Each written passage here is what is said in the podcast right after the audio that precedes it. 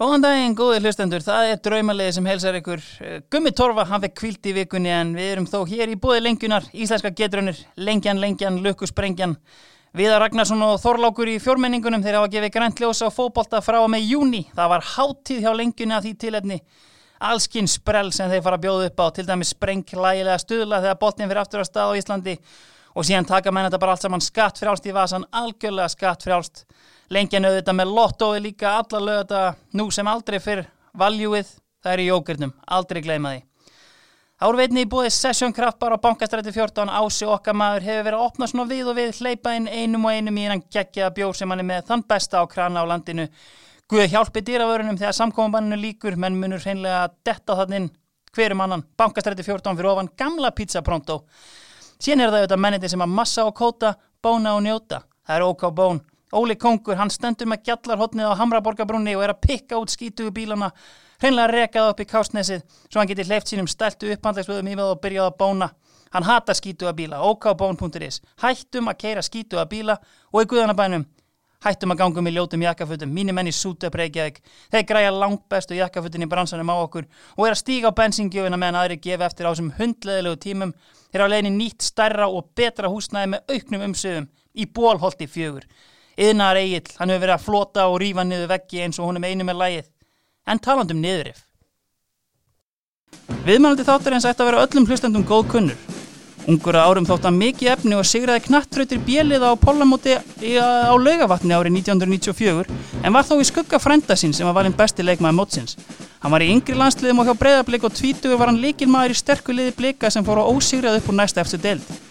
Hann eldi síðan peninga á fræð eins og svo margir íslenski leikmenn í frostaskjóli þar sem hann dvaldi í fjögur ár og var tvívegis byggamestari og einu sinni íslensmestari áður en hann dvaldi í stuttan tíma í Garðabænum og lautinu.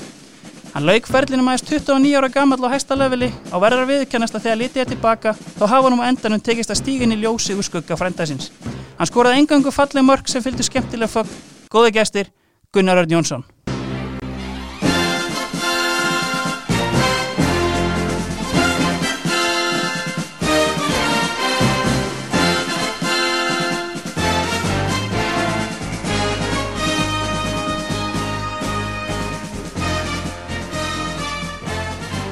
Blessaður kannar. Blessaður. Ánægð með þetta.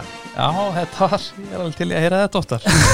En það eru kannski knattröytirnar hérna á, maður stætti því, á, á pólamótinu laugavatni. Já, ég man mjög vel eftir því. Er sérstaklega út að það var uh, góð vinnu minn sem að fjall frá hérna fyrir nokkur árum. Hann var svakalegur og hann var alltaf, maður var alltaf í skugganum á honum og hann var alltaf alveg bestur. Já. Og hann var bara langt bestur á landinu, hann og Eyjó hérðins. Já. En að það var mjög góða minningar. Mm -hmm, algjörlega. Herru, ef við byrjum þetta bara á byrjuninni, eins og ég sagði það að við erum í bóði Session Kraft bara í bankastrætinu. Um, þetta er svona rúmlega áratugur sem spilar hérna á svona hæsta leveli hér um bil. Uh, Session hafa mikið verið að pæli svona hjá viðmælandum, hvað er svona blöytasta liðið sem við spilaði með? Hvar var svona aldrei sleft móralskum Blautasta lið var 100% hérna, blíkaliðið 2005 Er það ekki? Jú. Jú. Á Players þá eða? Já, bara á Players og Albufeira og bara you name it Já, var það var hérna æfingaferðin með Bjarnar Jó uh, uh, móralska æfingaferðin, var það ekki eða? Jú, það var náttúrulega bara fyrst þetta var sko, með minnir að það vera 8 dagar á Spáni Já, og hann var mjög strángur fyrstu 8 dagana og sann og hann alltaf að tönglast að því sko ég vil ekki að menn séu með einhverja helvíti snakkboka og tölvuleikja gláp. Og það meiri líkur að menn dettu um snakkbokan og tókni heldur en að tókna á vellinum. Ok. Og hann er góð að segja frá því að Hjörfa Haflega hann var fyrirliði liðsins þannig og, og hann, hann mátti ekki drekka kók þessar fyrstu áttu dagana og, og hann var náttúrulega fyrirlið og hann let Sigur, Sigur Jón Jónsson fara með hérna taka kippuna inn fyrir sig í hótellobbyið þar sem að Bjarni Jó beið. Og Sörens vill meina að það bitna á honum eh, sumarið, hann hefði ekkert fengið að spila þar sem að fyrirliðin hendunum myndir út já, en hérna þetta kemur svo sem engum óvart að hérna, að, hérna blikarnir hafi verið í smá brasi hérna. en, en ég menna endaði sérna á náttúrulega góðum tímum, hann að kannski var þetta bara fyrir bestu. Já, ég vil meina að það þarf líka alltaf að hafa svona létt gaman þetta var, við vorum eh, í sjálfu sér blöytt lið en við vorum samt við vorum samt sem áður hérna, vel skóaðar á leikta eins og Bjarni Jó sagði, Herðu, uh, eins og ég komin á hann, þetta er breyðablík, þetta er fjölnir, þetta er uh, KR stjarnan fylgir. Var þetta erfitt að velja þetta? Já, þetta var mjög erfitt Mm. ég, það var náttúrulega mikið af hérna, mikið af þessum einstaklingum var með mér í káaliðinu það var svo gríðalega stert Mm 2011 Já, uh, síðan er þetta bara svo ótrúlega margir góði leikmenn. Bara, ég trú alltaf að ég hef spilað með þessu leikmenn þú veist, þeir eru langt frá minn standard næstu leikmennir. En hvað, hérna, hvað, hvað leikkerfi enda er að stilla upp í? ég fór í fjóra hérna, fjóra, þrjá, þrjá. Já, algengt og fínt. Herru, byrjum þetta bara í markinu. Uh, voru markið sem komið til greina, vantarlega? já, það voru mjög margir Mm. sérstaklega það sem að til dæmis eins og Hjöra Haflega 2005 Mm var uh, rosalegu karakter í klefanum og var með stert presence í, í bóksinu og, og ha- hann var svona einn af líkil mönnunum í að, að hérna, koma okkur upp úr fyrstu deildinni. Uppleiður svona að því hann kemur að hann er náttúrulega bara að dreina land af Bjarnar Jó eftir svona kannski hann er búin að vera badnastjarna og annað og hérna en einhvern veginn svona lendir í erfiðu meðslum var mikið hungur í honum meðan hann mætti þarna í blikana, hákáfingurinn? Sjálfur sér mann ég það ekki. Ég var voða lítið að pæla í, í þessu þegar ég var að spila sjálfur sko. Þá var ég bara, ég var alltaf að horfa á fótbolta sko. Já, en ég vissi að hann hefði komið úr háká eða íká upprunlega já, og það er náttúrulega alltaf gaman að hafa svona gæja í klefunum sem er góður í marki og ykkur finnasti maður Íslands. Já, einmitt. En ég meina þú ert með rosalega katalóg af markmönnum, af því meina þetta er eiginlega bara svona rjómin af bestu markmönnum landsins. En hvernig ákvæmst að velja? sko, ég var ég ætlaði að velja Stefán Lóa Já, bara út af holningunni sem markmaður og ferlinum og var með svo mikið svo mikið karakter og, og var náttúrulega í bæmunjen og allt þetta. Mhm, en ég valdi Hannes bara gægin kom bara í KR og ég man að ég, sag, ég hugsaði bara hvað er þessi gæi að gera? Já, hann var í engu standi og, og hérna kom úr Fram, fram, já. já. og hann var búin að standa sig ákveðlega þar en en samt ekkert eftirtekt að vera nei, ég var ekkert svona vel samfærið sko, ég man eftir honum úr Vestló og hann var að taka upp myndböndin og ég var ekkert að pæla mikið meiri því. Nei, en síðan kom hann alltaf bara og, og þetta er bara einhver mesti Cinderella menn sem ég veit um veist, þetta er bara ótrúlegu gæi. En einmitt þegar þú segir hann kemur í káar einmitt kannski einmitt ekki svona hérna, þú veist, ekki það nafn sem hann er í dag. En var hann samt með svona, þú veist svona þetta alfa presen sem einhvern veginn svona einkennir hann í dag? Ekki fyrst, Nei, ég myndi ekki segja það en leið og hann byrjaði að fá smá sjálfströst Já. og byrjaði svona að móta líkamann og byrjaði að hérna, æfa eins og við æfðum nánast eins og atvinnumenn Já. vorum með hérna Mark Kíslik sem styrtaðálfara já, og hann bara gjör breyttist á þessum árum og, og hérna og síðan er náttúrulega eh, þessi óbílandi trú hjá honum að, að ná langt, hún skilaði sér. Já, algjörlega. Sko, ég meina aðri markmenn sem, sem við nefnum bara, ég meina þú átt einhver að leiki með Stjána Fimbo, er það ekki? Jú, hann er náttúrulega bara legend og, en ég spilaði ekki mikið að leikum Nei, með honum en hann var svona síðustu skrefunum en Já. hann var samt í betra form en ég. En síðan náttúrulega líka einmitt hjá stjörnin eftir með Ingvar Jóns. Ingvar Jóns mjög góður og hérna náttúrulega Arnardari líka. Já, hann var, hann var mjög gaman á honum og, og hann var náttúrulega átti að, að ná lengra en, en honum finnst snakki gott og við dottið um snakkbókingar en, en jú, það er bara ríkalega mikið að góðum leikmannum Þórður. Ingason og, Mhm.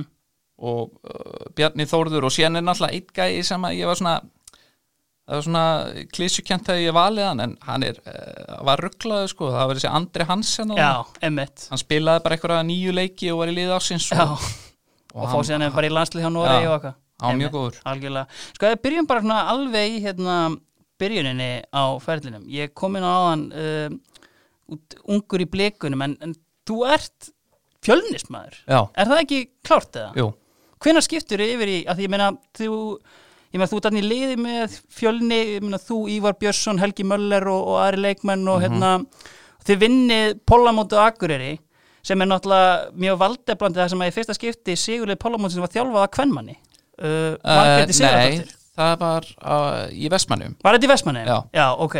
Við unnum líka, sko, við unnum nánast held ég alla yngri flokkana bara fram að fymtaflokki. Og hvenær skiptur þið yfir í blika? Ég skipti í, í fjórðaflokki. Já.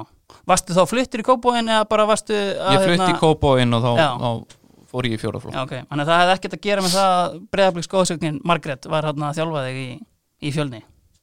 Uh, nei, ég, hún var bara að þjálfa mig en, en hún var, já, hún var, hún var mjög hörð af sér, sko. Herri, færum okkur þá bara hérna uh, upp í vörnina. Byrjum kannski bara á hægri bakverðinum. ok, þess, þessi gæi, hann á nú alltaf ekki að vera í bakverði, Nei. en þetta, þetta er leikmaður sem ég alltaf vilja sjá í bakverði, ég, þá held ég að hann hefði getað náð ennþá lengra. Uh, og það er Steinþór Freyr, Þorsteinsson. Mhm. Ég er náttúrulega ólst upp með honum í breyðabliki Mhm. og hann er einn af mínu bestu vinnum og, og hann er vinnusamur þvílíkur íþróttamæður og ef það er eitthvað sem hefur náð langt með því að með því að leggja hart af sér Já. og vera skýt sami með aðstæðingin, hann geti verið að spila mútið Messi og, og hann myndi ekki pæli í því, sko. og það er einmitt góð að sagða honum að ég spurði hann einmitt um daginn. Ég var að spurði hann um uh, fyrir podcasti, ég spurði hvað, hvað er svona besti þjálfari sem þú eru haft? Mm. ah, ég, ég myndi segja þessi gæi, þjálfun, gæin sem þjálfaði mig í Víking Stafingar ég leiði, ah, ok, hvað hétt hann? Ég manna það ekki og bara núla grínast En ég meina, einmitt, þeir eru hérna úst, úr 85 árgangnum í, í breyðablík og hérna eh, sterkur árgangur sem komst þarna inn í eftir þú fórst frá fjölni eða? e, já, hann var mjög sterkur það var, var ég og það var Kári Kári Ársæls Ársals, já. það var Steinþór Freyr Mhm. og það var Birgir Hrapp Birgis, Mm mjög góð leikmaður uh, það var hérna Guðmundur Pétur Ólafs og já, var bara Og síðan einmitt í kringum ertu með hérna 84 sem eru þá, veist, hérna Ágúst og Siggi Sörens og, og fleiri góðir. já, Ágúst Þóra Ágúst Siggi Sör, Haraldur Guðmunds Haukur Ingvas uh, já, og Jens Harðarsson og Rannver Sigurjónsson. Já. þeir voru náttúrulega í yngri flokkunum voru þeir tölvert betri þannig séð en við, myndi ég segja sko. Mm og hérna En þetta er einmitt svona að því að veist, þetta er hann að titla sér vinnið undir stjórn uh, Sali Heimis meðal annars uh, sem einmitt nefndi hérna, þegar ég talaði við hann um einmitt hann hefur að þjálfa þetta og talaði sérstaklega um Gunnar Örn og Rannver.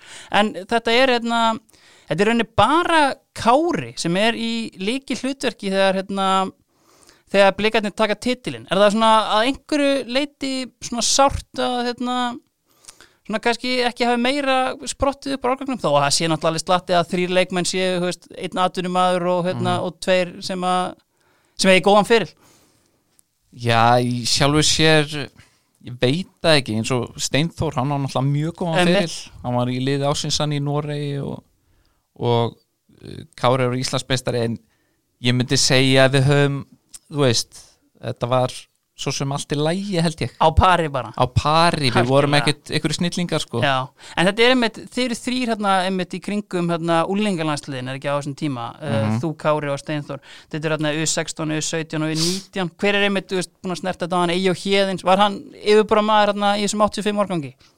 Á yngri árum? Uh, já, Eða fleiri? Svona þegar við vorum ánið 17 ára Mm. eða svona, þú veist, það var náttúrulega Ólaður Gaut Ólason, hann var náttúrulega legend hérna í gamla daga mm. og síðan var uh, Eyjó Hjeðin sem var bestur og síðan var náttúrulega Hjálmar Þórarins Já. hann var náttúrulega bara svona íslenski óven á þessum tíma, ég man að hann skoraði þrenn á móti Norei og, og aðstofþjálfari ég man ekki hver það var hann, hann stökk svona upp ég er að segja þar að við erum með næsta íslenska óven og hann var svakalegur sko Já, einmitt, Ingo við ykkur hafði myndað saman hann að segja sko Já. En hérna, voru þetta einhverjar eftirminnilegar ferðir sem þið tókuð þarna með úlingalandsliðinum eða, hérna, eða var þetta bara svona einhver árangur til að tala um? Já, þetta voru eftirminnilega ferðið. Við fórum til Moldavíu Mm. sem að er eitthvað næst fá, fátakasta land í Evrópu eða eitthvað. og það var bara eins og að fara aftur til 1950 og, og ég man að það fengu allir skitu í, í, á hótelinu og við fengum alltaf sama matinn og það var eitthvað sem skeit í sig sko. og Rút Gullit var með okkur á hóteli. Það, Já, var hann bara í frí eða? Rút Gullit var þjálfarinn í Hollandi. Já, ok. Og hérna hann varð hann á, bensanu sínum og hann borðaði reyndar ekki eh, með Nei, okkur hann hefur ekki tekið þátt í þessu. Nei, En voru einhver, einhver sem hafa tjekkað setna með sem voru í þessu hollandska liði eða? ég veit ekki hvort að prins hafi verið rækumar. Já Ryan Babel, ég veit það ekki. Mm En þetta hefur verið, þetta hefur verið hérna, fínasta stönd. Herri, að fara okkur yfir í vinstri bakurinn Já, vinstri bakurinn, það var svona frekar auðvelt fyrir mig. Já, Það var hann Guðmundur Einir Gunnarsson. Það var undrabarni úr Vesturbænum. Já. Það er og gaman að hérna í rauninni kannski svona sambarlegt við þig að hérna hættir mjög snemma. Kom það að vera óvart einhvern veginn þú veist, þú veist eða pældur vantilega kannski ekki mikið mist svefni við því en þú veist svona Nei. kannski með þessa hæfileika einmitt, þú veist bara að það hafi ekki gerst meira kannski fótboltilega ég held að hefði gæst meira fótbolllega hjá honum eða hann hefði haft áhuga á því. Er bara, hann gerir bara nákvæmlega það sem hann vill. Já, og hann er góður í öllu og, og núna er passjoni hans að, að eldast við tónlistina Mhm. og, og, og ég veit ekki hvort það sé að vinna eitthvað með því en, en hann, hann hefði alveg getað ég geta að lofa því að hann hefur bóttið fengið eitthvað tilbúð og, hafnaðum sko. algjörlega. Sko, en bara ef við tölum bara um í þessu samhengi bara um sjálfa þig ég meina, þú hættir 29 ára. Mm varstu bara komið með nóg af þessu? Eða þú veist, var eitthvað svona veist, drive sem þú hafði þér á ferlinu sem þú varst búin að missa að einhverju leiti Já, sko, dræfið var náttúrulega alltaf þegar maður var ungur og maður langaði að vera Já. og, og hérna og síðan þegar ég líti baka að ef að ég vildi að það hefði eitthvað verið hérna bara, heyrðu, þú ert ekki að fara að ná langt með því að vera hérna bara hugsa um þú veist þetta í það og, Já. og hérna hugsa bara um uh, einhverja skvísur eða skilur við, maður var svona ekki alveg með fókusin og maður fjelt að maður væri betra maður væri já, og maður uh, hérna fannst alltaf vera öðrum að kenna Já. og það er eitthvað svona sem að sem að maður hugsaði svona tilbaka eitthvað svona djöðl vildi að ég hefði ekki verið svona mikið pulsa á, á tíðanbili einmitt. En hvenar er þetta svona sem að þú veist, ég meina, þú ferð þarna er það ekki eftir 2005 sem þú ferð til Odd Grenland já, uh, var eitthvað hérna veist, og síðan hérna uh, 2007 til Bríni er það ekki? Þú veist, var þetta veist, hérna, áður nú sem við Káar uh, getur það ekki verið? nei, ég fór aldrei á reynslu á brunni Ekki? Nei, en ég fór á, á, fund, á Café Paris með honum í hérna uh, hvað heit hann áttur? Olf Inge Holland Já, og ég spjallaði við hann í einu hálfan tíma og, og hérna síðan mæti ég á æfingu og, og hérna Stíg Krón Holland vinstri, no, norski vinstri bakurinn já, hann spyr mér, já hvernig fannst þér hérna Holland? Ég sagði, "Ah, var þetta Holland? Ég hefði ekki hugmynd um mér fannst það svo myndalegur að ég en hvað hérna, þú veist, hérna var það ekkert sem heitlaði? Ég meina mann sem að, hérna, var að reyna að elda atvinnumennsku drauma ég held þetta hafa alltaf verið bara eitthvað svona léttur áhugi, þetta Já. var aldrei neitt alvöru þú veist, þeir vildu ég held ég hef aldrei fengið eitthvað alvöru tilbúði með Nei. neitt tannig Ok, hver settu bennan fund? uh, Stíg gerði það Já, já, eru þeir skildir eða? Mm, Holland, Nei, Stíg Krón Holland og Alfingi Holland sko. Nei, Já, ekki. Nei, að, hérna, við könnum það hérna eftir þátt. Herru, uh, við erum þá komnir bara í hafsendana. Uh, Þú mátt bara ráða á hvornum þú byrjum Sko, þetta var mjög erfitt. Já, Ég var með, sko Ég var náttúrulega með Guðmann Þóris já, og hann var náttúrulega bara skeppna innan á, bara óþólandi innan allar sem auðvitað allar Nei, se- en hann var náttúrulega bara ég er náttúrulega geggja góður og, og sóknarmenn voru hrættið við hann og, og hérna með hraðan og allt þetta og, og, en ég spilaði ekki með honum þegar hann var á þessu leveli. Nei, nei. hann fór til Norex, kom tilbaka og þá var hann orðin miklu betri. Já, síðan voru náttúrulega leikmenn eins og Gulli Jóns, Pétur Martins og, og Danni Lags og, og ég var svona átti mjög erft með að velja þetta en, en ég ákvað að fara í hérna, fyrsta pikk var Greta Siffunur já. Sko, hann er ekki kannski besti farastjóri landsins en einhver al, svona besti hafsend sem að, hérna já, sem að bara deildin hefur séð. Er það ekki, þú veist, sannlega sem þú lítur á hann, eða? Jú, þetta er bara, þessi gæi er stríðsmaður og, og þvílíkur liðsmaður Mhm. og, og drauma fyrirliði fyrirmynd fyrir alla sem að spila fótbolta og, og hérna hann fór langt á viljanum og, og ég held að hann sé að nálgast meti að eiga flestu eftir til leiki í röð Mhm. veit ekki hvernig það er en hann hafði mikið fyrir að töngla staðið þegar hún saman í herbyggja hann ætlaði sko ekki að missa þessu leik og, en jú, hann var ríkalega góður. En hvernig upplifir hann svona sem hérna bara svona sem svona tæknilegan fótballmæð þú talar einmitt um að því, veist, þetta er að mitt alveg rétt stríðsmaður, mikill vilji, bara það. En sér, þú veist, eh, það var kannski svona 2011 sem að manni fannst sko Pepsi-mörkin það var eftirminnilega leikur á móti val þar sem að kom bara einhver umfjöllun um það að Valur hefði bara lokað á sóknarleik káar með því að láta Gretar Sigfinn bera upp boltan og svona eftir það fannst mér svona að því Gretar hafði alltaf bara verið í umræðin sem bara, veist, þetta er bara einn albesti hafsend deildarna, maður svona aðeins hlutabrefin lækka þar, veist, var það eitthvað sem að, þú veist, trublaði þig í hans leik eða, þú veist, hérna mm, en því síðan hef ég heyrt sko í setni tíð bara, veist, á æfingum er hann bara, hérna, flengjónum upp í skeitin bara eitthvað á sólandi menn, sko. Nei, hann kemur ótrúlega óvart. Hann var alltaf að taka svona fyttu yfir boltan og snýri sér og þá hljópsóknar til hæri og fór hann hinum megin og maður eitthvað svona hann var, hann var virkilega að æfa sig í einhverju alls konar múum þau tókust oft. Ég held hann að, vera, að hann hlustar á alla gaggrinni hann hefur tekið það til sín sko.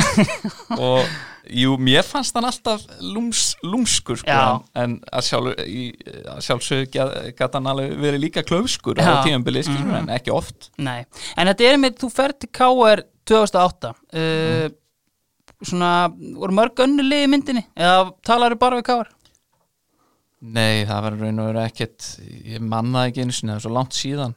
En þau ert svona ungur og heyri káer og þá bara það, þá finnst þér að vera svo mikið geggjaða gæði sko að ég bara varða að hoppa á það og, og ég hef aldrei verið hrættu að prófa nýtt og, og hérna og það er ekki það er ekki eitthvað sem ég sé eftir í dag. Ég, ég man eftir að að hérna ég hef oft hugsa út í það hvort kannski ég hefði verið betri leikmaður hjá Óla Kristjánsson, mjög góð þjálfari en mm á móti kemur að Lói Ólas er það líka og náði svona mótivera mig á, þegar hann var með liðið Já. og, og hérna en já hvernig var svona að koma inn í þetta káerlið að því að tímabilinu áður þá hafði logi tekið við að miðið tímabili uh, svona þegar maður spyr káeringa sem voru þarna á þessu teits þóruðar tímabili þá fá þeir bara kaldan svita einhvern veginn veist, og þarna eru náttúrulega þú veist, eins og segir Gulli Jóns, Pétur Martins og svona veist, eldri kallar var svona hérna,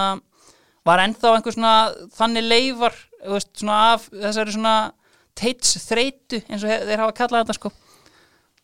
Sko ég heyrði oft talað um þessa um þetta tímabil Já, en í sjálfu sér var þetta, það var, voru feng, fengni nokkri nýju leikmenn já. nýr þjálfari, nýr styrtaþjálfari mm og eins og hefur komið fram hérna áður að þá er logi alltaf hérna næra létta lundina Já. á leikmönnum með Einmitt. gríni og, og bara við, með að vera góður góð, góð manneskja og, Mhm. og hérna persónulega tók ég ekki eftir því Nei, algjörlega Hver er með honum í hafsendunum? Herðu, það er Kári Ásals Já Uh, enn eitt skiptinu sem kongurinn og Kópavói fær atkvæði draumalið uh, þetta virðist bara vera svona the ultimate maður uh, góð fótboltamaður, 100% og í fyrsta Mhm. lagi, en bara svona ef maður ef maður ætti að velja einn mann til að hafa með sér inn í klefa þá væri það Kári Ásálsson, er það rétt metið? mm, Nei. Ég fæ alveg nóg á hann þegar hann. Er búin að vera lengi að sko. ég er náttúrulega einna hans góðum vinnum, við erum í sama vinnu. Já, En jú, jú, hann er snýttingur ég er að grína sko. En hérna Ég náttúrulega spilaði með honum upp allar yngri flokkan og spilaði svo mikið með honum og, og ríkala klár leikmaður og, og, og var hérna var með hreðjar í vörninni. Hann, hann þorði að sóla og, og hann, hann fekk líka gjalda fyrir það á tímum þegar hann fekk fyrsta ásinn á móti þegar hann var að spila fría í fréttablaðinu, ég ringdi hann daginn eftir. En hann, hann var náttúrulega hann var náttúrulega hérna fyrirliði í, í Íslandsmestraliði Algjörlega. 2010 Mhm. og, og bara virkilega góð leikmaður. Mm einmitt eins og ég komin á hann þið farið upp úr fyrstu dildinni ósigraðir 2005 uh, 2006 þá hérna uh, Bjarni Jói Rekin á miður tímabili, er það ekki rétt hjá mér það? uh, jú, það getur verið. Ég, ég með slæmt minni en, en alltaf gott að fá þannig menn. En, Já. hérna, en þá ertu lánaður í fjölni. Mm, uh, er það ekki rétt hjá mig? eða veist, ferðu í júli glugganum eða, uh, eða var þetta bara Já. neyðarlán? Já, já, já, ég fer og, og býð Óla Kristjáns um að fara á lán og, Mhm. og ég man að þjálfara teimið kom svona að mér minnir að Adi Bill hann, mjög góður þjálfara hérna aðstofa þjálfari já. hann segir hérna hvað segirðu, viltu fara á lán hjá fjölni? Ég segi já.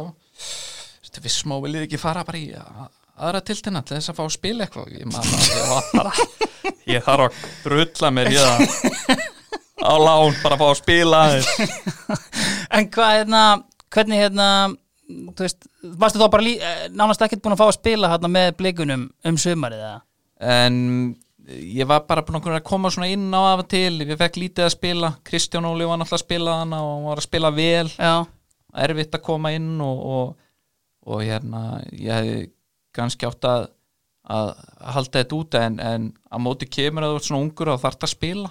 Og, og að fara í, í gráin það var bara rosalega gott fyrir mig að fara hérna á heimaslóður og ég elska að vera í gráin og þetta var mjög skemmtilegu tími þar. Hvernig hérna, hvernig enda þetta sísón hjá fjölni? Bara hérna, þeir fóru ekki upp eða? Nei, Nei. við fórum ekki upp það var í loka leiknum á móti leikni að það var bara á síðustu mínútur í sloppin inn í gegn Já, og hérna þá kemur hann þá kemur Jarlinn, Gunnar Jarl og, og bara strauja mig aftan frá og, og síðan gaf mér, líka, líka raut á móti Þór og ég bara þóla ekki hann að gæða einmitt. Herru, uh, vörnin komin uh, þá er kannski ekki setna verna en að uh, vinda sér í klefastemminguna Gunnar eins og ég komin á að vera með bóði Súta Breykjavík hefur einhver tíman svona áberandi verst klættur leikmaður verið með þér inn í klefa? Bara svona, veist, í hverju er þessi maður mættur hérna? Já, ég myndi segja að það væri ekki beint í klefanum, bara ekki ennum tíðina bara að við verum að fara út á lífið eða eitthvað. Já, að Kára Ársæls. Hæ Kári Ársals já, Já, gleymi ekki þegar hann var í támjóum svona leður hérna leður svona hérna, krokodíla líki skóm og, og í Levi's Twisted með hvítt belti í svartri skirtu með hvítt bindi. Svarta skýrtan og hvíta bindið var endar ótrúlegt lúk ég rokkaði það þó nokkrum sinnum. En ok, það er hérna það er gott, Kári hérna hann er búin að fá mikið pepp og hérna gott að aðeins að halda honum það er í að koma niður á jörðina. Já, algjörlega. Herru, færum okkur bara hérna upp á miðjuna. Hvað hérna við erum í fjóri, þrýr, þrýr að byrja bara á djúpu miðjumanni. Djúpur miðumæður þá myndi ég segja að ég myndi hafa Bjarnar Guðjóns. Já, uh, spilaði með honum í K.R. uh, samstagsmaðin í dag. Uh, þetta er svona strækja mann sem svona demanding maður. Uh, hann kemur hann inn á miðju tímabili þitt fyrsta tímabili það ekki? Og ég sé það ekkert sérstaklega fyrir mér að hann hefði lappað hann inn í klefan og svona tekið stöðuna og verið rólegur fyrst um sinn, heldur bara komið inn með hamagangi og læti, er það rétt metið? já hann, hann bara kom inn í klefan og var bara eh, drottnari. Og voru bara hvað hvað hva er þetta við vissum alltaf alveg hvernig hann væri sko, en ég sjaldan sé ég mikið sjálfströst Já. og, og hann næri langt á því og hann gerir það vel Algjörlega. Sko, minna, á tími K.R. þá eigið þið svona góða tíma í Evrópukefnum. uh, er það kannski svona eitthvað sem að þú lítur tilbaka þegar þú hugsaður um ferilinn? Ég meina, þetta eru nokkrir svona stór úrslit sem náðu, bara svona ekkert sem að oft sem íslenskilið hafa náð í svona úrslit. já, það var náttúrulega gríðalega gaman fyrir svona gæja eins og mig sem að þú veist, bjóst ekkert við að fara að spila í Evrópu og hérna spila móti Larissa í mm -hmm. gríski byggamestara, slóum þá út Mhm. 40 steg að hýta og klöppuðu fyrir okkur og síðan spilaðum móti Basel Einmitt. og þá var ég á kantinum og Shakiri að dekka mig Já, og, já. og hann var bara 12 ára eða eitthvað og tveist svona massar en ég það var, jú, það var eitt af hápunktum fyrirlsis að vera í Evrópakernum Algjörlega. Og ég meina, þið eru náttúrulega bara hálsbreytt frá því að slá Basel út og einmitt Tjeður Shakiri einmitt skorar hérna sent og, og bindur enda á þetta. já, og ég meina fleira, ég meina, veist, uh, varst ekki með þegar unni Sílína hérna, já, Jú. þar var einmitt hérna, Martin Dubravka í markinu sko. já, þannig að þetta voru hérna, ótrúlega tímar sko, með Bjarna uh, inn á miðsveðinu hvernig þú taka næst? sko, ég myndi alltaf hafa hérna, Adda Gretas í liðinu mínu. Já, en ég spilaði bara svo lítið með hann já, hann er bara eitthvað besti gæði sem ég sé spila fótbolta. Mhm. en ég spilum bara svo lítið saman Mhm. og, og hérna ég gat ekki lítið framjá hérna Baldri sig. Já, hann er bara blöytur draumur Þú veist, hann er bara gæði sem segir já amen ekkit væl, mm hlaupi endalaust þrjóskast í gæði bara efer, getur tekið skæri skallað, bara alveg eitt af mínum first pickum. Þetta er einmitt svona að þið verið komið svona aftur inn á þetta svona, þú veist, í káer, ég menna þetta eru svona risa karakterar það var oft tekist á því, bara, þú veist, harkaleg rifurildin á einhversæðinu Já, það var það en, en ég var svo sem hef kannski ekki tekið eftir út að ég var vanur að, að hérna, koma upp úr starfið þar sem að við vorum bara allir voru vangefni sko veist, var með Kristján Hólu öskrandi á mig og veist, maður var með svona frekka þykka skráp Já. og búið að móta mann og, Mhm.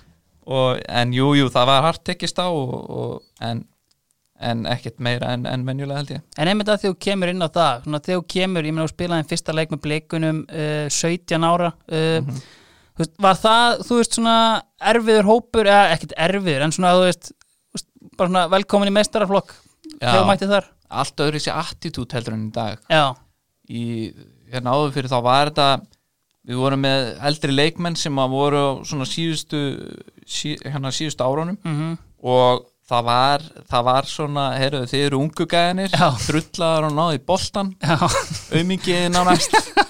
En þeir voru samt skemmtilegi sko en, en það, ég held að sé allt öðru í sér attitút í dag. Já. Hvernig var einmitt, eh, hvaða leikmenn eru þarna svona stærstu póstarnir í bleikaliðinu þegar þú varst að koma upp? Þegar ég er að koma upp þá er það Kristján Óli, Árni Kristinn uh, Sævar Pétus Þorsteinn Sveins, Ívar Jóns Ívar Sigur Jóns, Reyða Bjarna Síðan koma hérna, mætti ekki Sverri Sverris hérna á Sverris tapaði ekki ska- skallabolta ótrúð hvað þessi gæði ekki að stokki samt var hann með enga sprengingar sko.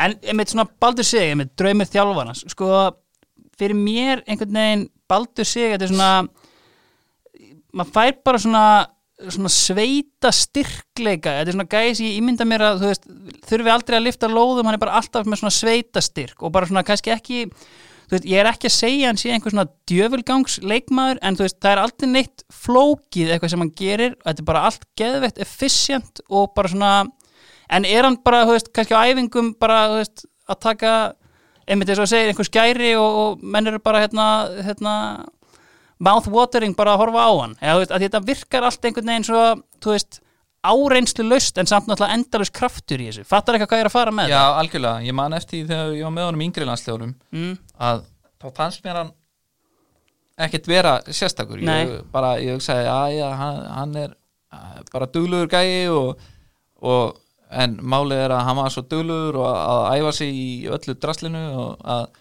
hann byrjaði svona að verða hann, hann er svona konsistant leikmaður. Já. hann hefur aldrei verið lélugur. Algjörlega. Og, og hérna hann getur komið mönnum óvart Mhm. virkilega með, með hérna tækni og og því sem fylgir sko. algjörlega herriði, uh, ef við förum þá bara næst í svona, einmitt við vorum að tala á hann um kannski Evrópuleikina og þeir kannski sem að koma helst upp í hugan en svona lengjan og okkar menn helstu styrtar aðalar uh, eins og ég segi Níkarækvæðska deildin, hún er Real Madrid tjekkja á þeim sko, er einhver svona eftirminnilegasti leikur svona þegar hugsa tilbaka uh, bara svona frá ferlinum sko ég var að pæli því sáðan ég er einn af þessum leikmönnum sem að spila leikinn og síðan fara allir inn í klefa er að hérna tegja og, og tala um mannstöði hérna ég braut á mér hérna? Og ég ætla að gefa hann til vinstri. Ég er bara svona, hvað er að þessum ég man ekki neitt en, en ég man svona glimpsur og leikjum, ég man eftir því þegar við vorum byggamestrar á móti Þór og Fjölni. Já, það var það var svona mjög skrýtni leikir og það voru örugglega leiðilegustu byggarleikir sem hafa spilað ég get alveg tekið undir það. vorum ekki vorum unnum ekki beint verðskulda sérstaklega mátið Þór. Já, en eh, það var eftirminnilegt og síðan var það náttúrulega þegar ég fekk að spila mútið Mexiko Já, einmitt. Það er alltaf verið að tönglast á því vini mínir á aðlandsleik en þetta var svona hálfgött bjelið sko. Já, og við spilum fyrir framann 60 manns eða eitthvað Já. og það var eitthvað sem hljóp nakin inn á völlin og ég gleymi því sem. Og ég kom inn á fyrir eh, hérna, Steinþór sem er góðu vinnu minn Mhm. og, og síðan er náttúrulega Basel-leikurinn og, og síðan náttúrulega úrslitaleikurinn í, í sjálfmótinu 95 Já. og vunnum þið unnu þá, einmitt Já, va- þetta er á móti FH, er það ekki? Jú, Jú, einmitt, sætla minninga Ég, Já. var reyndar erfitt með að trúa ég muni grafa upp myndefnur þeim leik því miður en, en við vinnum eitthvað með þetta að því þú minnist einmitt á ennan Mexiko-leik Var þetta eina skipti sem varst valinn í Latis hópin eða? já Hvað hérna, þú veist, talar um bjelið en svona hverju voru stærstu gæðarnir hérna í hópnum? Það var uh, Bjarni Guðjóns Mm. Óskar Örn um, Alfred Fimboa Kolbett Sigþós Jói Berg. Það er svona ungir í blandu Já, Óli Jóa þjóla vantalega já, Topp maður. Já, topp maður. Fíla svona gæja sem að taka sig ekki of alvarlega og, og hérna flottu náðungi Algjörlega. Herru, uh, ef við kannski bara lokum hann að miðri miðinni Hver er hann í tíunni? Ég gat ekki sleft alla jó. Nei, einmitt. elskað að spila með þessum gæja og bara virkilega ef hann hefði nú haldið sem meðsla lausum að ég hefði viljað sjá hann fara lengra en, en hann var bara svo skemmtilega sín á leikinn Mhm. og, og, og hann hérna var hóvær og, og útrúlega flottur gæi mm -hmm. Eyjamaður að Guðsnáð Sko, hann er einmitt kallaður inn í esta eða afi af silfurskeiðinni Var þetta bara svona hérna, afa fígúra inn í klefunum? Já, ég myndi segja það, Mhm. hann er mjög hann er gömul Já, en hann er alveg grjót harður á velli samt sko. já, en hérna, jú, ég myndi lýsa honum sem svona gamandi sál Þetta var, hérna, þú spilaði með honum bæði hjá K.R. á stjörninu, það ekki? Jú, Sko, svona, fyrir mitt leiti þá, hérna, tíminas í K.R. eh, hann er svona fyrir mér smá svona einn af svona posterboys svona fyrir þetta Tates tímabil og manni fannst svona eins og K.R. stuðningsmann hefði aldrei einhvern veginn svona 100% tekið henni satt, það getur verið kjátt hjá mér, ekki er ég K.R. stuðningsmaður en svona, þú veist, var það þín tilfinning einhvern veginn líka? af því að síðan sko fer hann alltaf bara í stjörnuna þarna, meðan 28-29 ára og bara algjörlega blómstrar og líkil maður þarna 2014 mm Var hann 28-29 ára? Hann ekki 82 mótil? Gömul sál, ég líður að það var hann sko 6 ára mingar en ég við það en, en já, hann var hérna, hvað varstu spurningin? bara svona, ef við súmerum þetta Já, já, með KR já, Ég myndi segja að ég hef ekki tekið eftir því en, en hann hann náði ekki alveg að blómstra þar og það, að mér fannst hann ekki fá almennilega tækifærið á, á miðinni mhm, og þegar hann fer í stjörnuna að þá virkilega náði hann svona comeback út af hann var náttúrulega geggjaður í, í IBVF í gamla daga. Einmitt. Sko, við komum bara inn á það ég meina, þú ferði í stjörnuna fyrir tímabilið 2012 það bara Mhm. komin, komin leiði hérna í KR eða?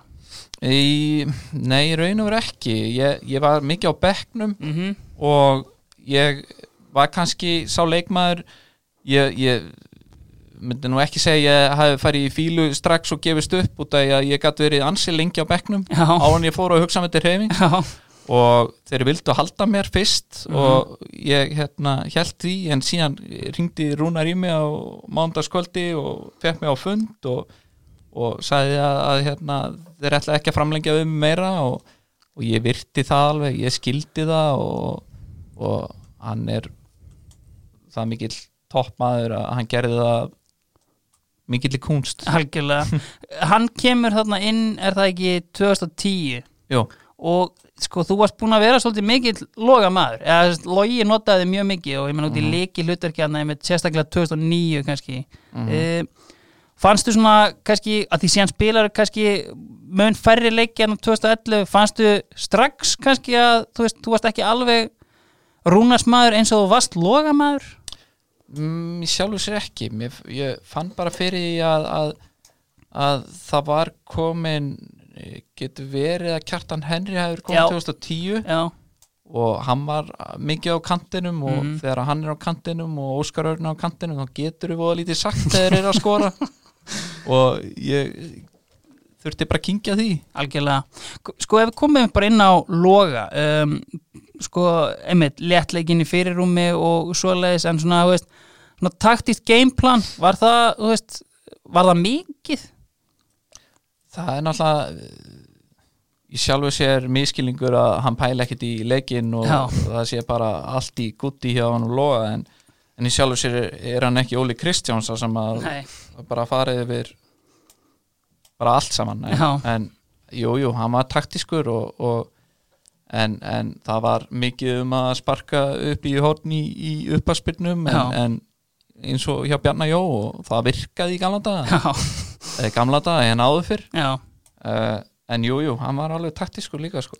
En ef við einmitt förum þá bara að því þú snertir á einmitt, hérna, sko, einmitt þetta eru náttúrulega, veist, kannski svona þrjú af stærstu nöfnum í þjálfara bransunum haft, þetta eru Logi, Rúnar og, og Óli, ég meina, og kannski Rúnar, þú veist, er hann nær Loga eða nær Óla í svona mm, pælingum?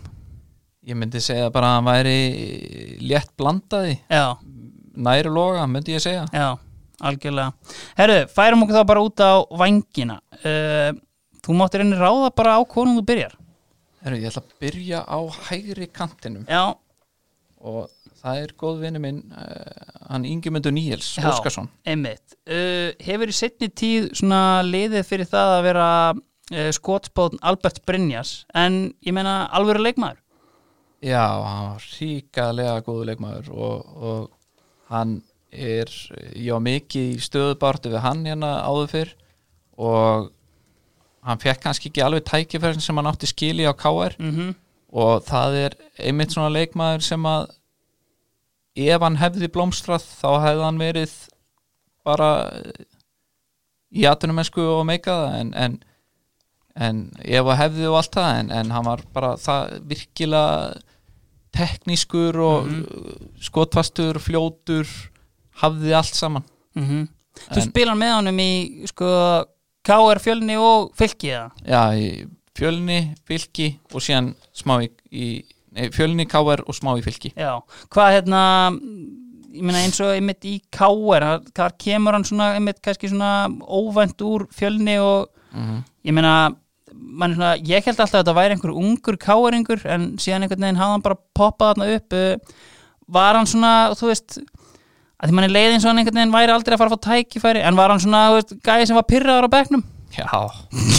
Þetta var gæði sem er mjög pyrraður Þetta er einn af þessum gæðin sem að finnst að vera bestur í heimi. Já, og það er, hann er eins og gauðilís næstu því eins og gauðilís en, en hérna en jú, hann er, hann, hann- er pyrraður ef, að, ef að hann var að bekknum. Og við vorum í mikið samkeppni og ef að ég byrjaði fyrir hann þá var hann skjótandi á mig miklu betur en þú og það er eins og við vorum komin í sankasala leik en að þegar við vorum litlir. En einmitt ef við klárum þetta bara á þessu hérna, klárar ferilin hérna áður nú ferði í augnablik hjá fylki. Um, varst það orðin mjög þreyttur á fótbolta þarna? Að eða svona, menna, hættir náttúrulega eftir tímabilið? Já, ég var bara komin á algjöra endastöð. Þetta var bara hérna, ég fekk bara samvisku bytt fyrir að hérna, fá laun fyrir að spila fótbolta út af því að ég var ég var slakur var ekki að sinna þessu vel var búin að missa áhugan og þegar þú, þegar þú vilt ekki mæta á æfingu og ég var kannski smá svona þungur andl, eða ekki, ég var kannski ekki þungur andlega en ég var Nei. svona, þetta var ekki það var komin tími til að ég myndi hætta Ertu típan sem að þú veist svona mm, úst, að því maður, úst, þetta er svo óvanlegt að hætta úst, svona ungur og svona hafa verið á svona háu leveli úst, fylgist þú lítið með fótbolta úst, bara, varstu búin að missa að því og svo kominum á hann svona atvinnumennsku draumurinn farinn og þá einhvern veginn svona kannski af hverju er ég í þessu? Já, sko, eftir ég hætti þá byrjaði ég að fylgjast mikið með fótbolta. Já, en meðan ég spilaði þá fylgdist ég ekkert með fótbolta. Nei, og það er alltaf, maður finnur það bara á hverju var ég að hætta? Já, skilur við, það er bara ég hef oft sagt að ég sé ekkert eftir en það er bara bólaskítur sko. Og er mörglið úst, sem hafa haft einhvern veginn samband eftir og hættir og reynda að fá þetta að koma aftur? Nei, sjálfur sér ekki. Ég var það slakur með augnablik að það hafði engin áhuga. En það var eitthvað. Já, einmitt. Herru, uh, á hinum kantinum? Á hinum kantinum er Óskar Örn Hugson Er hann svona nálægt í að vera besti leikmaður sem við spila með? uh, já besti leikmaður sem ég spila með uh, ekki beint þegar ég var að spila með honum Það var, er einmitt máli, af því að sko, hérna Óskar einhvern veginn, hann kemur í KR árin á undan þér eftir að hafa verið hérna, bestur í tossabæknum hjá Grindavík og svona veist, eh, kannski feta sig ekkert almennilega fyrir hann að verður svona aðeins eldri og ég meina, send dæmi, ég meina byggarúsleikurinn 2008, þá er Gunnar Örn í byrjunlegin og Óskar Örn á bæknum já, pælti því. Og hérna en í sjálfur sér var mjög erfitt að velja hérna kantmennina út að ég var með svo marga, ég var með Kristján Óla Sigursson Kenny Tjópart, Nenad Sivanovic Gitti Steindós, Halldór Orri. Uh, Rannveig Sigjóns, þótt hann hafi nú ekki spilað mikið með mér í meistarlokk nei. En uh, Óskar Örn alltaf var alltaf fyrstur á blað hjá mér. Já, en ég meina ef við förum þá einmitt út í þess að þetta eru fjóri byggarúsleikir sem þú spilar. Já, fimm. Fimm, Já. uh, 2008, 2010, 2011, 2013 Hvað er ég að glemma? Ég veit ekki, þú verður að vinna betur rannsókn að vinna betur ég, en það, það voru það voru Herru, sko, uh, já, nei. þrýr með KR og tveir með stjörnunni. Já, 2012 líka með stjórninni Já, uh, Já, já, já, tap fyrir Káir Er það ekki? jú, Jú, emmitt En þú veist, þetta er það tveir sigrar og, og þrjú töp Já. uh, Svona Þú veist, ég verð að spyrja þig uh, Er eitthvað sárara en að klúðra loka víti í vítaspinnukeppni í byggarúsleik? uh, já Er það? að horfa á kryddsíldina í loka ás og er búin að gleyma þessu mómenti Já og sérði lappa frá miðjunni Já. það er sárara Já, það var, það var mjög þreytt að mér já. Gott víti, svo. mjög fast já, já, náttúrulega, þetta var Ögmundur Rúnarsson sem er náttúrulega bara frábær Ögmundur Kristinsson reyndar. Ögmundur Kristisson hefði verið, er eflust steinlegið inni ef Ögmundur Rúnarsson hefði verið í markinu.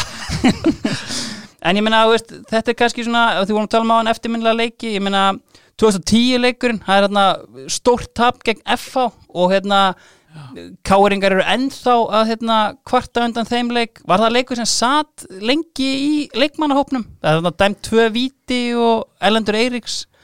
er nánast gefið út skotleifa á hann í Vesturbænum? Nei, í raun og veru ekki. Þegar þú tapar svona stórt og samfannandi og áttur aldrei breyk þá e, situr það ekki ja, mikið í mönnum e, ne, í staðin fyrir að þetta hefði verið tæft og því töpuð þessu. Emitt þetta var það mikið rúst að, þessu, þessu var bara grafið þetta var bara glemt grafið og glemt og, og síðan var tekið næsta ár. Algjörlega. Herru, uh, hver loka síðan liðinu upp á topp? já eins og ég er nú sókna sinnaður og sindi lítillega varnavinu og finnst mér ótrúðalt að ég hefði valið einn strækar. einmitt. Það var sko, ég var með Maril Baldvins í liði og, Já. og spilaði bara lítið meðálum Maggaballa, Ragnar Heimi Gunnars Prins Rækumar, Pétur Óskar Guði Bald, ég var svona nánast búin að setja henni lið Já, Guðmi Ben, Greta Hjartas Garða Jó, Vega Páll mhm. Albert Inga Ellert Hreins en ég, ég verði eiginlega að velja hérna takki fúsa Sko, Takafúsa fyrir mitt leiti svona í sögubókunum er einhver alvannmetnasti framherji pepstildarnar. Að því að ég meina hann kemur að í KR, hann er markaðistur held ég bara öll tímabilin sín, hann er á topp 10 yfir markaðistur leikmenn deildarnar frá upphafi, en samt er einhvern veginn alltaf, þú veist hokkið í það að hann hafi kannski mátt vera í, í betra standi eða eitthvað. En ég þú veist, bara svona geggjaðu strækir að spila með. Já, hann var bara það góður í fótbolta og góður að slúta Já. og hann hafði ekki mikið fyrir því að vera svona góður Nei. Veist, þetta var bara svona gæði sem mætti á æfingu og var, hann var bara það mikið hæfileika búnt Mhm. að hann þurfti nánast ekkert að æfa til þess að vera svona góður en, en í sjálfu sér æfði hann en, en, en hann var það góður. Algjörlega. Sko 2009 svona sóknarlegan hjá Káur er svona eina mínum uppáhalds í hérna efstu deild en það ertu með Gunnar Örn og Óskar Örn uh, GBN, Takehúsa Gumma P og að sjálfsögðu Prinsinn. Ég meina var þetta hörð? Einmitt við komum inn á hann svona stöðu barátta og svona þú veist pyrringur yfir að vera ekki í liðinu og annað Já, sjá, já, já, alveg.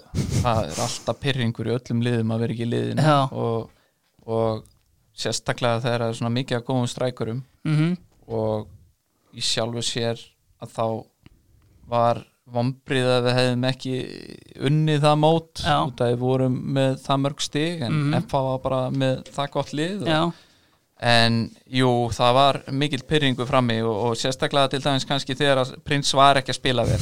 Eins góður og hann var í fótbolta já. að þá var bara sinn hvað hann gat verið latur ef hann vildi það. Þetta er einmitt, þú spila náttúrulega bæði með honum hjá Breiðablик og Káir, er það ekki rétt um mér? Jú, Sástu þið svona að því hann er eiginlega hörmulegur hérna í Káir, Já. var eitthvað mikið svona, þú veist ég hef svona svolítið í gegnum viðtölum mín hérna svona farið í það að stemmingin í Breiðablik var mjög léttleikandi en þegar komin í skilur stærsta félag á landinu þá er þetta einhvern veginn bara svona engin húmor fyrir svona vitleysisgang já, það var lítill húmor fyrir bullinu í honum þannig og, og hérna þetta var bara eins og uh, Henderson í toppformi í dag í blikunum versus Henderson fyrir tveimur árum þegar allir í liðból hann.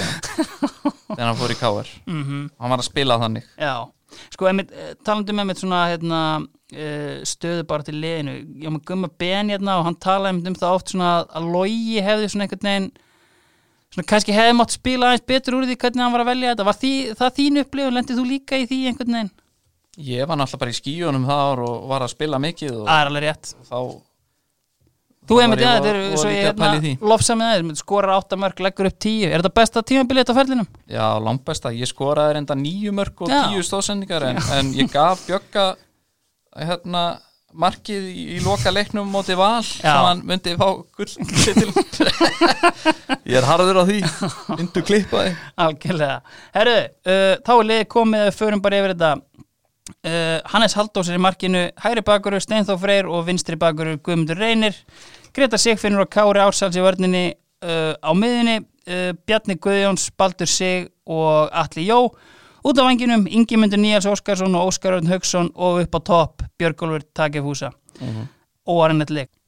Sko, ég meina þetta er liðið við erum í bóði okkar manna í OK Bón og meina, það sem að slæðir mig mest við þetta lið er náttúrulega að það er engin sköllóttur í liðinu og uh, ég meina okkar menn í OK Bón þeir elska bónun, Óli Kongur hann uh, bónar þarna bæði menn og bíla frá 8 til 6 uh, er einhver svona eftirminnilegasti sköllótti leikmaður sem þú dýrkaðir að spila með? Já. Þú segir að þá verður að vera hinn íslenski Vin Diesel Gunnar Þór Gunnarsson. Já, sköllótti skelverinn úr fórsóinu sem misti krullunar þegar hann var tí ára. Hann var geggjaði leikmaður. Bara hann skallan vel, var þetta einhver svona afneitun eða, eða bara léttur með þetta? Gott lúk náttúrulega. hann er þannig gæja, hann er með það mikið confidence og honum er slétt sama hvað öðrum finnst. Já. bónar hann með þessu bóni sem er bónstöðin og hverjum einasta mótni einmitt, það er Gunnar Þór Gunnarsson OK Bón. Hver myndi þjálfa þetta lið? Sali heimi possa. Bara upp á geðugina og, og stemninguna. Hvernig var hann svona að hérna, þjálfa krakka hann í yngri flokkunum? góðu þjálfari? hann eh, gerði rosalega mikið fyrir mig á mínu ferli út af að hann ég bara umbreytist í miklu betri leikmann eftir að hann þjálfaði mig. Og það er náttúrulega á þeim árum sem að þú ert að mótast hvað mest, það er í, í þriðja og öðrum flokki, Mm svona cirka algjörlega, hann er mitt hérna já, einmitt. En sko, kannski aðrir, ég meina við erum ekki snert á Jörundur Áki. Hann gefið fyrsta breyki í meistarflokki Já, Jörund Dráki, já, hann var fýtt þjálfari. Mm uh, ég, það var bara svo ótrúlega langt síðan. Ég man voða lítið eftir því. Og þegar ég tek svona saman spurður hver er besti þjálfari sem har haft þá er bara ómögulegt að svara þeir eru með mismöndi styrkleika og ég get ekki gert upp á milli Loga uh, Rúnas eða Óla. En þegar það er mitt hérna og Pósa Já, en ég veit hérna setna tímabilið til stjörnunni uh, þá kemur logi inn og hérna þú eins og ég er búin að koma inn á verið loga maður uh, en kannski spilar minna eh, svona þegar ég rýni í þetta er það ekki rétt hjá mér eða? Jú, ég sjálfur sér og það er ekkert, það var bara þannig sem ég er að kenna. Já. það var ég bara komin í, í uh, svona gýr þar sem að ég var búin að missa hungrið og, og, og hérna síðan voru við líka með það góða einstaklinga hann, Haldur Orra og Óli Kalli Finnsen sem voru bara betri en ég á þessum tíma Algjörlega. Ef við förum kannski hérna eins og ég hef verið að gera með mönnum yfir bara svona eftirminnilegustu útlendinga sem að hérna, þú komst í kynni við á ferlinum. Er einhverju sem að standa upp úr? Já, það er Petr Potsemski Já. Ég hef Já. mitt hafði hann á blaði yfir bónuðustu leikmennina en Þinnaði maður var hann góður í fótbolta? hann var góður í fótbolta Mhm. hægur en, en hann var mjög uh, lungin leikmaður hann fekk sér alltaf skota einhverju djöful, ég veit ekki hvað það var vodkið á hverjum einasta morgni reykti eins og kameldýr bara hann var, var eftirminnileg og síðan var hann alltaf Nenad Sivanovic Já. hann var ógeðslega góður leikmaður og, og Nánast bara ennþá spilandi á Íslandi? já, já, hann bara hann er grændir og hérna hann vildi nú alltaf gifta sýstu minni hann var alltaf að tala oh, your sister is so beautiful I want to marry her maybe I will invite you to our wedding I don't know En ég meina síðan er þetta svona hérna, spila náttúrulega með Alexander Scholz í stjörnunni. já, Hversu góður var hann? ég ætla að hafa hann í liðinu mínu en ég spilaði ég svona fannst það ekki nógu sexy sko Nei. en hann var hann var 92 mótel hann var bara, þú veist, Tvítugur. 19 ára Já. tvítur en hann kemur úr ölbónum með eitthvað og ég veit ekki hvað hann að gera þar með ömmur sinni í göngutúru eða eitthvað og þá var hann það þroskaði leikmaður hann var eins og hann í þrítur og var að skamma mann á æfingum og maður hugsaði þessi gæði sjö árum yngri en ég en hann var svo ógeðslega góður í hófólta sko. En ég veit svona, hvernig kar, þetta er svo, þú veist, þetta er svo steikt saga einhvern veginn, að Mhm. svona úlingalandsmaður frá Danmörku komið hérna bara eftir að hafa, einmitt, eins og segir, verið í himalæja eða örpunum eða hvað hann var að gera og, þú veist, grilluð típa eða? Grillu típa, þetta var bara gæi sem að fó bara á tattust og fekk sér eðlu á bringuna og eins og ekkert verið eðlilegra. Síðan þegar maður var að horfa á sjónvarpið þá kemur hann upp og er með hérna þá er hann að bera upp ískápin fyrir mig þá var hann að vinna í Ormsson eða eitthvað, ég man ekki hvað, ég sagði, hvað er þú, er það að vinna? Yes, Gunni, I like working. Hann, hann var mjög mjög skemmtileg típa. Og að- ég hefði nú alveg geta haft hann líka í hann að vest stressaðasta leikmann hann var eins og ykkur eins og hann var að koma bara af Glastonbury í hátíðinni hann var bara eins og hann var út úr reyktur en hann var náttúrulega í engum meitilegum En einmitt svona búin að snerta á honum, sko, prinsinn, eh, ég meina, er það ekki bara svona leikmaður sem að stendur alltaf upp úr einhvern veginn? Jú, hann er svona eftirminnilegu gæi. Hann var góðu vinnu minn og, og hérna ég man að ég fóð nú með honum í bíó á The Orphanage sem er spænsk mynd Já. í eh, hérna já, Já, og við erum að horfa myndina og geggju mynd og í hlið kemur hann Gunni, it's a great movie I guess but uh, the subtitles are in uh, Icelandic and uh, they talk Spanish so I don't know what's going on Gunni. Maybe I, we can go and buy some chicken. Ah, ok og ég var bara að fara í hlið og kláruðu ekki myndina? Nei, við kláruðum ekki myndina. Og hann var líka einn af þeim sem að vildu vera með sýstu minni en, en það var nú ekki alveg í bóði út að hann var með tvö simkvört í símanu sínum. Og, Já, já. Nákvæmlega. Herðu, uh, ég held að við séum þá bara tæmdir. Já. Uh, Gunnar, ég ætla bara að þakka að kella fyrir að gefa tíma til að koma hérna. Að bara takk kærlega, þetta var mjög gaman. Ég var að hlusta draumalegi bóði lenginar